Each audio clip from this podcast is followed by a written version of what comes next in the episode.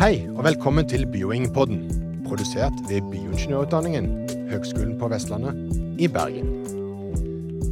Her tar vi opp tema knytta til teori og praksis, relevant for alle med interesse og engasjement for bioingeniørutdanningen.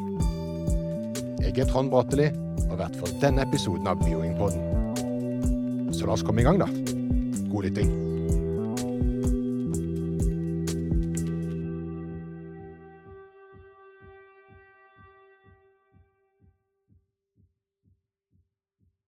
Det er klart for en ny episode i Bioing-podkasten.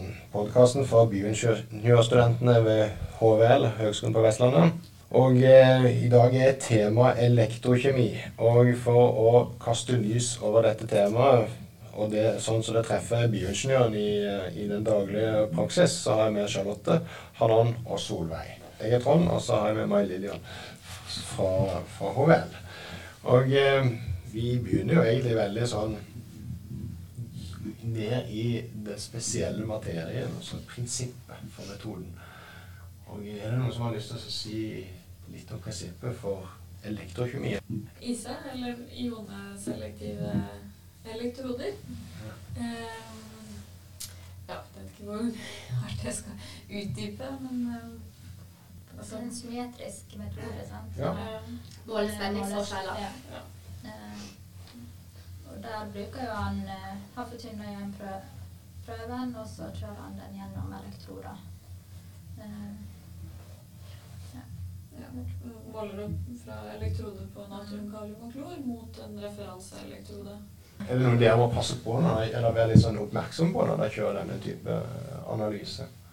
det er jo mest det der med at det blir lipemiske prøver som påvirker natriumen.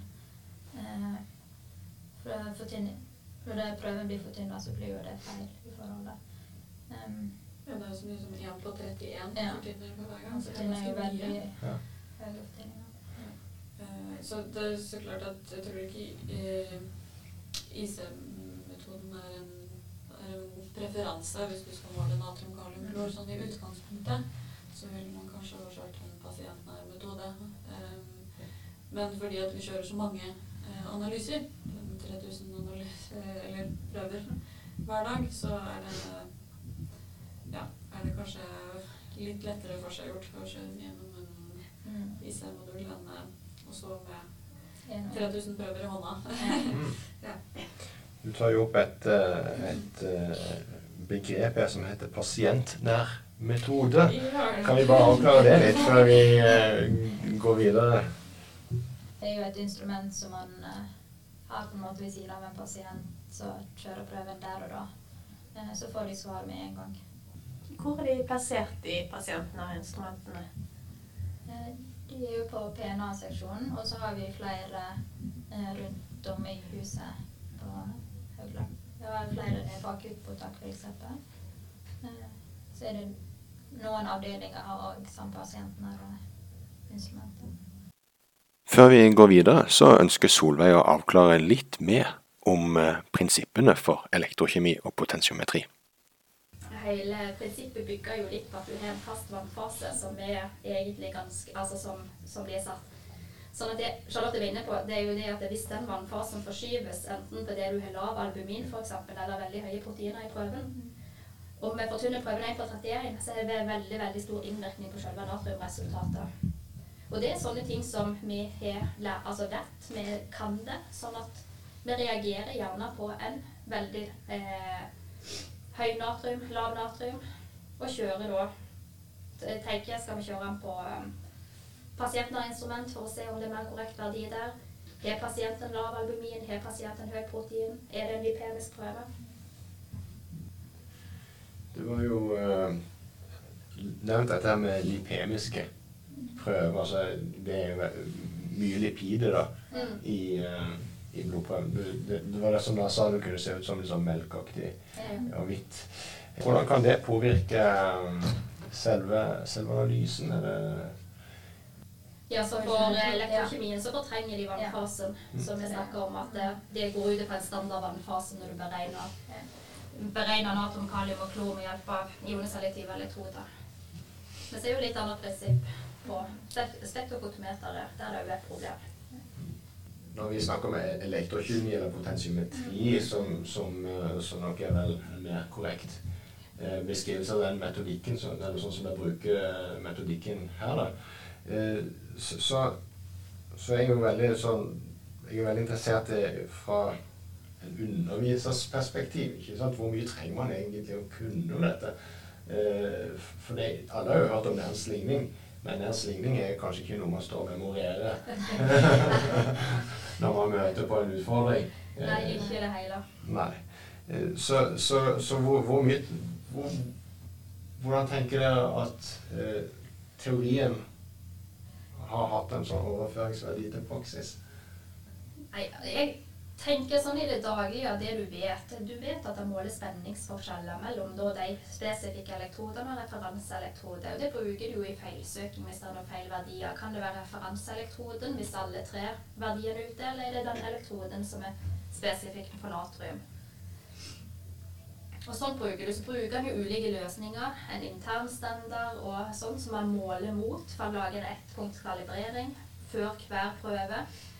Og da har du på en måte Altså, du vet gangen i det der, pipetteringssyklusen. Du vet at han bruker internstandard, du vet at han bruker en diluent å fortynne med, du vet at han bruker en referanseløsning som han må måle i utgangspunktet. Og du vet hvordan han mikser prøven, hvordan han trekker den inn gjennom målecellene. Men den stigning bruker vi ikke. Så det er mer sånne ting det går på. Ja, og når man først snakker om nærens ligning, så er det jo en variabel der som er viktig, det er temperaturen. Men uh, den passer vel instrumentet godt på i utgangspunktet. Den passer instrumentet godt på, ja. Og Er, er, det en type feilmeldinger som går igjen, eller er det Eller er det noe annen, andre utfordringer med disse prøvene? Um, han får for hver gang han kjører en prøve um, på ISO-metoden, så vil han også analysere prøven seks ganger, eller gjøre seks målinger. Uh, så vil han forkaste det høyeste og laveste svaret, og så vil han uh, beregne snittet av de nærende resultatene. Og da hvis f.eks. øverste eller laveste resultatet er for, for høyt eller for lavt, at det er for stort avvik, eller avvik mellom de andre resultatene, så vil han vil vi f.eks. få en ISN-noise ja. eh, melding om det, og da kan være en god idé å kjøre prøve på nytt. For en del, kanskje det største problemet med sånn som isen, det er at det er ganske mye ulike regelsflasker der det går lange slanger gjennom systemet for å få opp, trekke opp alt dette her eh, løsningene. Og det vi opplever veldig ofte med knekk i slangen, eller at, at det ikke står godt nok ned i løsningen, er at vi får luft i systemet. Og det hender vi kan få feilmeldinger på selve prøven, at vi får noe som heter voltage error. Som vil si at han ikke måler rett spenning, og at han merker det sjøl med de interne kontrollene en har. Men veldig ofte så kan det òg skje at vi faktisk får et resultat som vi skjønner at ikke kan stemme. For det er ikke alltid de interne sjekkene fungerer helt som de skal, eller kanskje de på en måte, som Charlotte sa, han måler de seks ganger, kanskje de faktisk er så like, men at de er feil. Fordi det er luft i systemet. Og da er jo vi lært opp til at måler du en natrium på 180, som er ganske langt ut forbi referanseområdet, så skal du reagere på det og kjøre det på ny igjen. Hvis ikke det har pasientene hatt det før. Det med at dere bruker elektroder, er det noe som kan eh, gi problemer? Må de ofte byttes Ja, ut? altså Vi har lite problemer med det. Vi har Elektrodene står på igjen ca. åtte uker, og så byttes de. Så de må jo byttes preventivt før de ja, For de blir dårligere og dårligere av å stå på. Så hadde vi fått drevet og brukt de, holdt jeg på å si, til Ja, så hadde vi fått problemer med prøvesvarene. Men derfor velger jo vi å bytte dem preventivt ca. hver åttende uke. For å være sikker på at de er OK. Og litt som andre ting, bytter du elektroder, så kalibrerer du opp metoden til de elektrodene du setter på. Vi, eh, vi kan jo måle ionene i mange forskjellige typer væske. Og eh, hvilke væske er det å måle ionene på her, da? På, på avdelingen? Brina kjører vi. Det er vel det Samme samme som sist, men Ja, eh, og ser så ser det er jo hovedsaken. på svette, Svette, ja. får vi Ja. ja, hva gjør væske som vi har tidligere. Ja. Ja. Ja, For de som ikke har hørt episoden om, om spektrofotometri, så kan vi anbefale å høre på den òg. For der er, er vi inne på en del av de væskene som man kan analysere spektrofotometrisk. Og eh, det er tydelig at det er veldig mye det samme. Ja. Ja. Så hva er den største utfordringen for dere? Denne analysemetodikken i den daglige driften? Det er vel det der med Ja. feilkildene Ja. forhold til luft i Ja. systemet. Slangene og, og potensielt feile svar. Mm. Det er nå egentlig det som er det største utfordringa. Ja. Det er sånn som det bygger opp. Det, og det er, jo, det er jo feil som skjer under analysen. Eh, og så er det Er dere kjent at det er noe feil som skjer preanalytisk?